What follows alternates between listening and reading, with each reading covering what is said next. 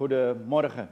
Ik wil graag uh, met u de Bijbel openen in Matthäus 14, vers 22 tot en met 33. En dat is een bekend, waar gebeurd verhaal. Het is goed om dat te beseffen, dat dit niet zomaar een verzinsel is, maar tot dit waarlijk gebeurd is.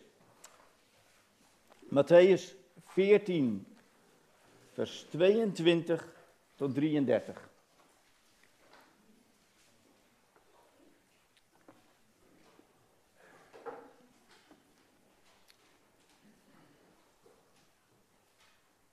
En meteen dwong Jezus zijn discipelen in het schip te gaan en voor hem uit te varen naar de overkant, terwijl hij de menigte weg zou sturen.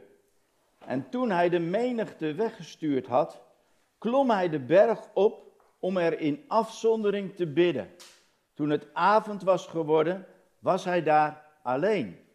Het schip was al midden op de zee en verkeerde in nood door de golven, want ze hadden de wind tegen. Maar in de vierde nachtwaken kwam Jezus naar hen toe, lopend over de zee. En toen de discipelen hem over de zee zagen lopen, raakten zij in verwarring en zeiden: Het is een spook. En zij schreeuwden van angst. Maar meteen sprak Jezus hen aan en zei: Heb goede moed, ik ben het, wees niet bevreesd. Petrus antwoordde hem en zei: Heere, als u het bent, geef mij dan bevel over het water naar u toe te komen. Hij zei: Kom. En Petrus klom uit het schip en liep op het water om bij Jezus te komen. Maar toen hij op de sterke wind lette, werd hij bevreesd. En toen hij begon te zinken, riep hij: Heere, red mij. Jezus stak meteen zijn hand uit, greep hem vast en zei tegen hem: Kleingelovige, waarom hebt u getwijfeld? En toen zij in het schip geklommen waren, ging de wind liggen. Zij die in het schip waren, kwamen hem aanbidden en zeiden: Werkelijk, u bent de zoon van God. Tot zover het woord dat ik vanochtend met u wilde lezen. En we gaan deze geschiedenis bekijken aan de hand van de volgende drie punten. De Heer Jezus heeft de controle, soevereiniteit. De Heer Jezus pakt ons vast en houdt ons vast. De Heer Jezus brengt ons veilig thuis. En deze punten, die zitten door mijn preek heen en het loopt over. Maar ik hoop dat je deze drie punten mag meenemen, ondersteund door wat ik zeg, maar nog meer wat de Bijbel ons leert en wat er in dit gedeelte staat. Het is uit zichzelf al een geweldig verhaal om te lezen en het staat in drie evangeliën. En uh, elke keer als ik dit Bijbelgedeelte weer tegenkom, word ik er zelf enorm door bemoedigd. Maar laten we eens kijken wat er hier plaatsvindt. Jezus stuurt zijn discipelen het meer op, de storm in. Want Jezus wist waarschijnlijk datgene wat zou komen. En voordat je eigenlijk verder gaat in het verhaal, hij stuurt zijn discipelen, stuurt hij het meer op. Ben jij al een discipel van de Heer Jezus Christus? Laat jij je sturen door Hem? Ken jij die stem? En als je Hem kent en als je die stem verstaat, weet jij dan ook, heb je dat ook wel eens meegemaakt, dat er tegenwind is? Waarschijnlijk wel. Waarschijnlijk ook wel, dat je in omstandigheden komt, ja, die moeilijk zijn. En sommige mensen die zeggen, maar dat doet de Heer Jezus toch niet? Hij ja, wil ons toch alleen voorspoed geven? Nou, ik denk dat dat niet de waarheid is. En je ziet het hier ook. Hij stuurt ze het meer op. Dus ik denk dat hij dat ook vandaag de dag nog zal doen. Het is gewoon een feit. Het is niet alleen maar wind mee. Maar waarom doet hij dat ook? De Heer Jezus, die wilde alleen zijn om tijd door te brengen met zijn vader. En dat was al zijn plan. Dat lezen we in het stukje ervoor, in vers 13 van hetzelfde hoofdstuk, waar staat. En toen Jezus dit hoorde, vertrok hij met een schip naar een eenzame plaats. Alleen en de menigte die dat hoorde, volgden hem te voet vanuit de steden. Eigenlijk wilde toen de Heer Jezus al tijd hebben in zijn eentje met zijn vader. Maar de menigte wilde steeds maar bij hem zijn. Hij kon overdag eigenlijk geen tijd vinden om eh, alleen bij de vader te zijn. En dan besluit hij, dan moet het maar in de nacht gebeuren. En hij vindt namelijk het bij de vader zijn, om met hem tijd door te brengen, vindt hij het allerbelangrijkste. Dat heeft de hoogste prioriteit voor hem. En zo is het ook. Bij een goede relatie wil je tijd met elkaar doorbrengen. Voor de Heer Jezus was het essentieel in zijn bediening hier op aarde. Het hebben van gemeenschap met zijn Vader. Is dat ook voor ons het geval? De basis hiervoor is gelegen in de onderlinge liefde die er is tussen de Vader en de Zoon. En die er ook van ons mag zijn ten opzichte van de Vader, door de Heer Jezus. En misschien herkennen we dat ook wel gewoon horizontaal in onze relaties die we hebben. Dat we zo graag ook bij de ander willen zijn. Zo heb ik dat met mijn vrouw en dat begon al toen we verkering kregen. Daarvoor was ik helemaal niet zo'n persoon die graag ging wandelen. Maar toen ik eenmaal verkering kreeg, nou, toen wilde ik heel graag wandelen. Om tijd met haar door te brengen, om haar steeds beter te leren kennen. En uh, zo is het ook nog vandaag de dag. Ik wil ook vandaag de dag nog tijd met haar doorbrengen. We hebben laatst de agenda weer eens gepakt en we hebben bewust een aantal vrijdagen hebben we een kruis opgezet. Dat we op die dagen met elkaar willen gaan wandelen, tijd voor elkaar willen hebben om dingen met elkaar door te nemen. Maar ook gewoon om bij elkaar te zijn. Dat vinden we beide fijn. En Jezus die neemt de tijd voor die omgang. Want we lezen een stukje verder dat hij tot aan de vierde nachtwaken, ja, die tijd heeft. En de vierde nachtwaken, dat is de periode tussen drie uur s'nachts en zes uur s'nachts. Dus het is niet zo dat de Heer Jezus, als hij gebed heeft met de Vader, dat even, nou vijf minuten is, even kort. Nee, hij neemt daar uitgebreid de tijd voor om de gemeenschap te zijn met de Vader, om hem te bidden. Maar dan, nadat hij dat gedaan heeft, dan schiet Jezus zijn discipelen te hulp. Op een onwerkelijke manier, lopend over het water. En het is de Heer Jezus. En toch, bij de discipelen is er angst. In die tijd was er een bewustheid van geestesverschijnselen. Er was geloof in een onzichtbare wereld. En vandaag de dag zie je dat in sommige delen van deze wereld ook nog heel sterk dat dat ook aanwezig is. Maar het is ook een realiteit. Er is een onzichtbare wereld. En daar waren ze. Ze dachten van, het zou een spook kunnen zijn. Ze herkenden Jezus niet.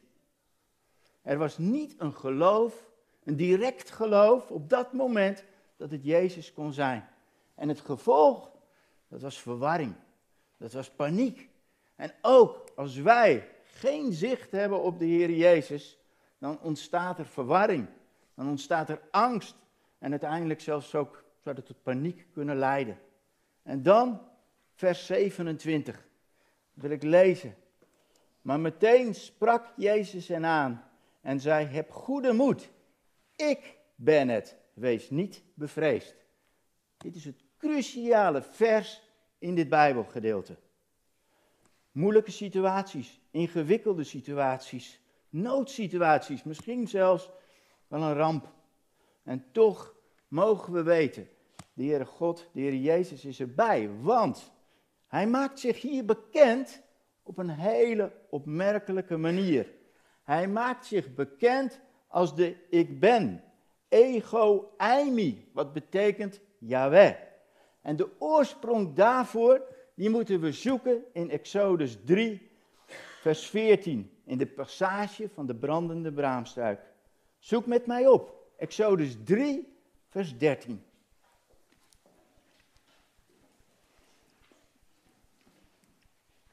Want zoals ik al zei, de manier waarop Jezus zich hier bekend maakt als ik ben, dat doet hij niet zomaar. Daarin verwijst hij al naar datgene wat in het Oude Testament, hoe hij eigenlijk als God zich kenbaar maakte.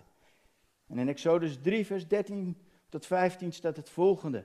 En Mozes zei tegen God, zie, wanneer ik bij de Israëlieten kom en tegen hen zeg, de God van uw vader heeft mij naar u toegezonden en zij, en zij mij zeggen, wat is zijn naam? Wat moet ik dan tegen hen zeggen? En God zei tegen Mozes, ik ben die ik ben. Ook zei hij, dit moet u tegen de Israëlieten zeggen. Ik ben heeft mij naar u toegezonden. Toen zei God verder tegen Mozes, dit moet u tegen de Israëlieten zeggen. De Heere, de God van uw vaderen, de God van Abraham, de God van Isaac en de God van Jacob, heeft mij naar u toegezonden. Dit is voor eeuwig mijn naam. Dit is mijn naam ter gedachtenis van generatie op generatie. En zo maakt de Heer Jezus zich bekend. Mozes krijgt het antwoord als hij vraagt: Wie moet ik zeggen dat u bent? Dan zegt God: Ik ben Yahweh. Ik ben die. Ik ben. Ik ben erbij. En dat is goed om te weten. Als Jezus zegt: Ik ben het, neemt hij de verhalen over van Exodus. En ook wat er in de profeten staat. Dus de Heer Jezus maakt zich bekend als God. Dezelfde als de God die zich openbaarde aan Mozes.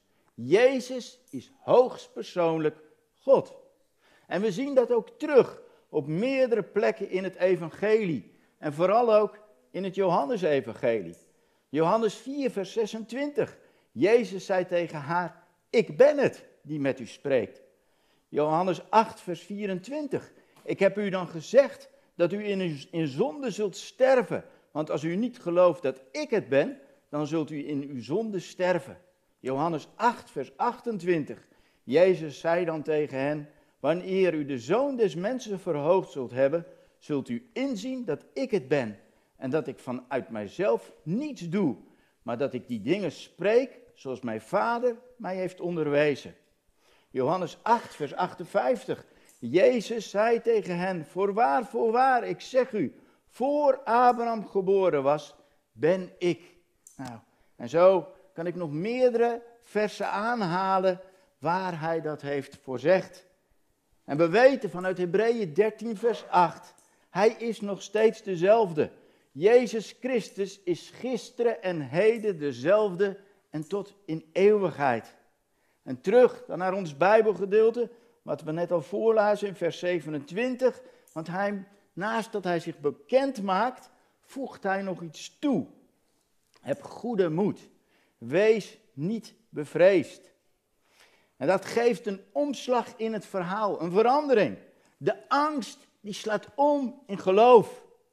Vooral zien we dat terug bij Petrus, die verlangend is om te komen, om naar hem toe te komen. Maar Petrus wacht het bevel van de Heer Jezus af. Dat is heel belangrijk. Niet voor de Heer uitgaan. Misschien wel niet helemaal des Petrus. Petrus die altijd haantje de voorste wilde zijn, eigenlijk al sneller ergens naartoe wilde. Maar nu, hij wacht. Hij wacht op het commando van de Heer Jezus die zegt, kom. En dan, dan kan Petrus ook lopen op het water. Maar dat is niet de kracht van Petrus. Het is de kracht van de Heer Jezus. Hij, Jezus, maakt het onmogelijke mogelijk. Geen mensenwerk, maar een godswerk. Petrus ziet op Jezus. En Petrus, hij gaat in geloof. Maar dan opnieuw ziet Petrus niet op de Heer Jezus. Hij ziet op de omstandigheden, de wind, de storm om zich heen, de golven wellicht. En Petrus zakt weg. Ineens is er twijfel, zelfs paniek. Geloof valt weg. En ook, dat is wat wij beleven en meemaken. Soms zijn de omstandigheden ons te veel en zakken we weg. In ieder geval, ik maak dit mee. Soms van korte duur en soms ook van een langere duur. Dan moet je ergens doorheen. Gelukkig weet Petrus op dat moment wat hem te doen staat. Hij roept de Heer Jezus aan. Red mij. Het is een heel inimini gebed, een kort gebed. Maar het is een heel, een, een gebed met heel veel effect. Geen omhaal van woorden, maar recht uit zijn hart. En dan, de Heer Jezus is dichtbij. Er staat meteen, of in de NBG staat terstond. Dat is ook wat een vader zou doen als hij zijn kind ziet wegzakken in het water. En dat doet Jezus ook. Hij grijpt Petrus vast en hij tilt hem omhoog. En hij spreekt Petrus toe als kleingelovige. Dan zou je daarvan kunnen denken, nou dat stelt niet veel voor, maar toch, hij spreekt hem wel aan als een gelovige. Was het waar misschien als een kleingelovige, maar er is geloof. Hij kwam tenslotte uit de boot. Nog werk in uitvoering. Maar hij maakte dit mee en Jezus gebruikt het om Petrus te vormen. Want Petrus was bedoeld om de Petra, de rots van de gemeente te zijn. De Heer Jezus brengt Petrus terug naar de boot. En de Heer Jezus gaat mee in de boot. En dan aangekomen in de boot ging de wind liggen. Jezus geeft veiligheid en geborgenheid, ook voor de andere discipelen. En het gaat in dit gedeelte dan om en gaat het dan in dit gedeelte om Petrus, die iets fantastisch heeft meegemaakt? Nee, het gaat ten eerste over de Heer Jezus. Zie vers 33. Zij die in het schip waren, kwamen hem aanbidden en zeiden: Werkelijk, u bent de zoon van God. Omstandigheden, situaties, ze doen het toe. Het heeft een reden. God wil ons lessen leren en daardoorheen veranderen naar het beeld van zijn zoon. God is nooit ver weg. Hij heeft controle. Jezus die schiet ons soms ongevraagd te hulp als we in een noodsituatie of een moeilijke situatie terechtkomen. Hij weet dan altijd manieren om naar ons toe te komen. Herken je dat ook? Heb je dat zelf ook meegemaakt? En verder kunnen we van dit verhaal van Petrus leren dat God bereid is wonderen te doen om ons bij te staan. Er zijn geen grenzen aan de macht van Jezus om zijn kinderen te hulp te schieten. Het is bovenal een kwestie van geloof.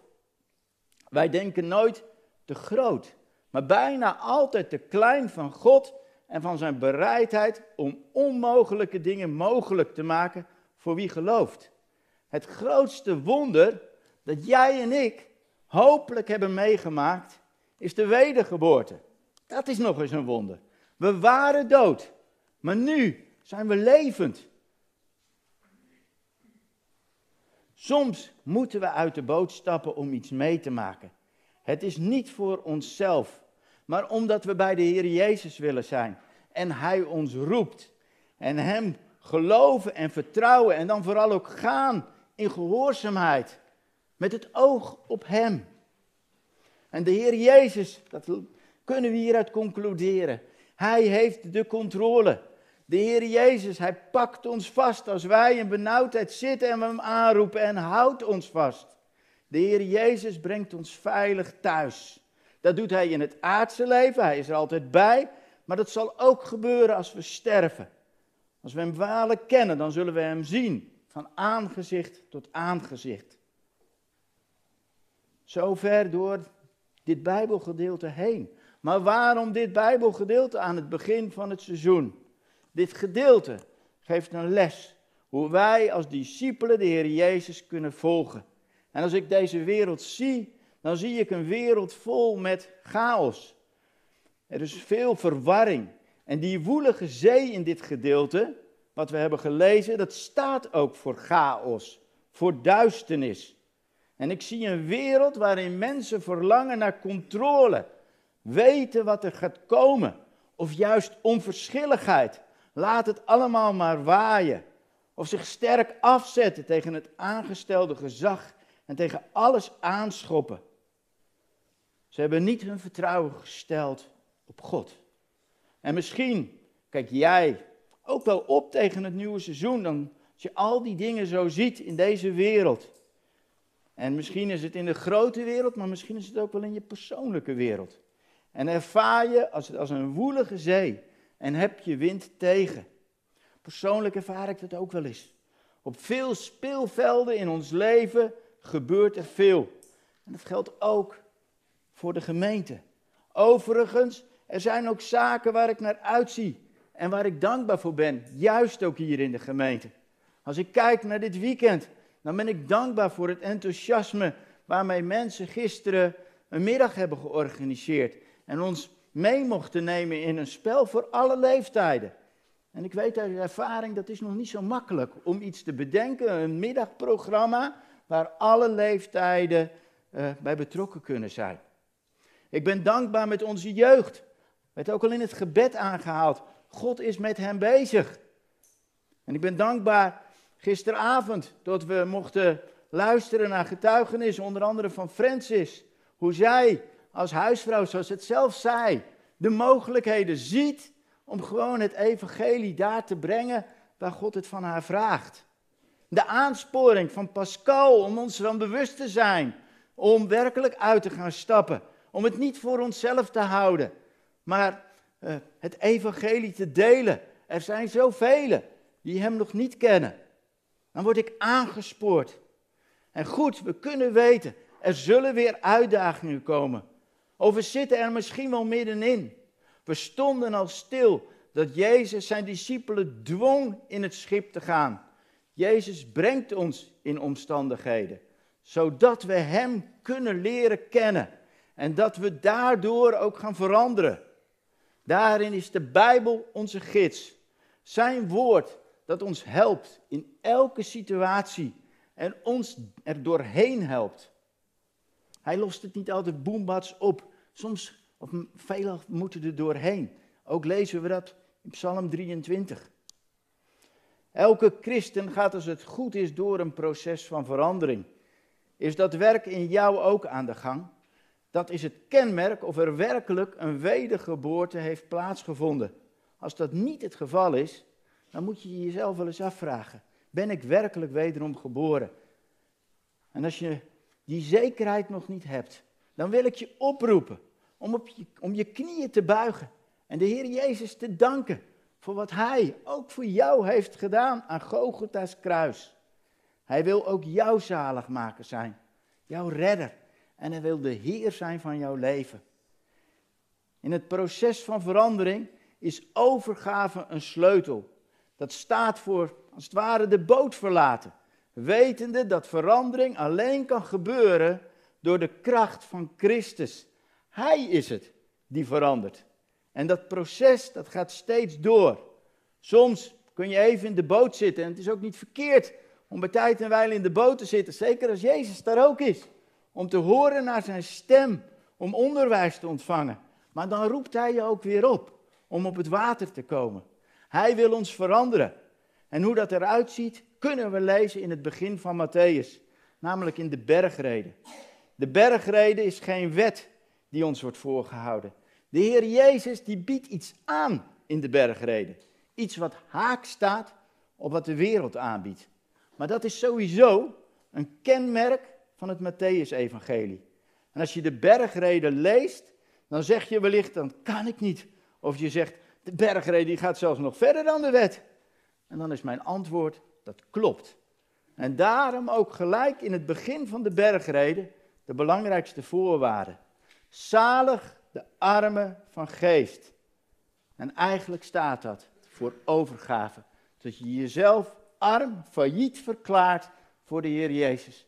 En zegt, Heer, ik kan het niet uit mezelf. Wilt u mij veranderen naar dat aanbod wat verder gelegen is in die bergreden? Daar kan ik nu niet helemaal op ingaan. Maar ik ben zelf al een tijdje bezig om de bergreden te bestuderen. En het is, ja, het is goed voor mij om daarmee bezig te zijn. Want ik, en ik denk dat het goed is om te erkennen, ik red het niet. Ik wil bij u zijn. Daar ligt de sleutel. Want ik geloof dat uw genade mij genoeg is. En in hoeverre leeft jij, leeft u in die afhankelijkheidspositie? Een positie met open handen. Hij mag het doen. Hij is degene die Heer is over mijn leven. En in de bergreden gaat het ook over het gebed en het belang daarvan. En als we terugdenken aan het begin van de geschiedenis die we hebben bestudeerd, dan is gebed ook voor Jezus top prioriteit nummer één. Het bij Hem zijn. En vorige week mochten we dat ook horen in de preek. Dat de zoon niets deed buiten de vader om. De intieme omgang met de vader was essentieel. Het is mijn verlangen voor het nieuwe seizoen dat je mag groeien in gebed. Dat we mogen groeien in gebed. We naderen tot een heilig God. Maar door het volbrachte werk van de Heer Jezus kunnen we in vrijmoedigheid naderen. En ik hoop dat jullie daarin mee willen doen. Dat gebed werkelijk de motor mag zijn van onze gemeente. Verlang je naar een diepe, intieme, persoonlijke omgang met die God die je vader wil zijn. En dit weekend staan we stil bij de vervolgde kerk. En ik vond het mooi dat we ons blik niet op onze eigen sores misschien, maar dat we ook eens even gingen kijken van, hé, hey, hoe is het in het wereld gebeuren? Hoe is het met onze broeders en zusters in andere situaties? Zij weten, als we dat een beetje volgen, als geen ander wat het is om op water te lopen. Om te verkeren in hele moeilijke situaties, waar voortdurend dreiging is. Maar toch zijn ze bereid om die weg te gaan. Hoe dan? Ik las hierover het volgende in een interview met Richard Groeneboom van SDOK. Dat is eigenlijk een collega-organisatie van Open Doors. Waarom redden vervolgde christenen het en denkt hij dat het ook lessen voor ons zijn? Als eerste noemde Groeneboom vrede in het hart door houvast in Christus. Hij liet een filmpje zien van een predikant in Nigeria, in wiens gemeente 83 gemeenteleden waren omgekomen door extremistisch geweld, van wie 20 tijdens één kerkdienst. De predikant vertelde in alle rust dat hij daar niet weg zou gaan en niet bang was, omdat hij zich afhankelijk wist van God. Ik ben bereid te gaan waar God me roept. Vervolgens wees de medewerker op geworteld zijn in woord en gebed. Hij liet een getuigenis horen van iemand die in een Soedanese gevangenis terechtkwam en daar de Bijbel intensief bestudeerde. De schriften spraken tot me op een nieuwe manier, zei de man die later vrijkwam. Groeneboom waarschuwde tegen een slordige omgang met de Bijbel. Tegenwoordig zeggen velen dat ze weinig horen van God.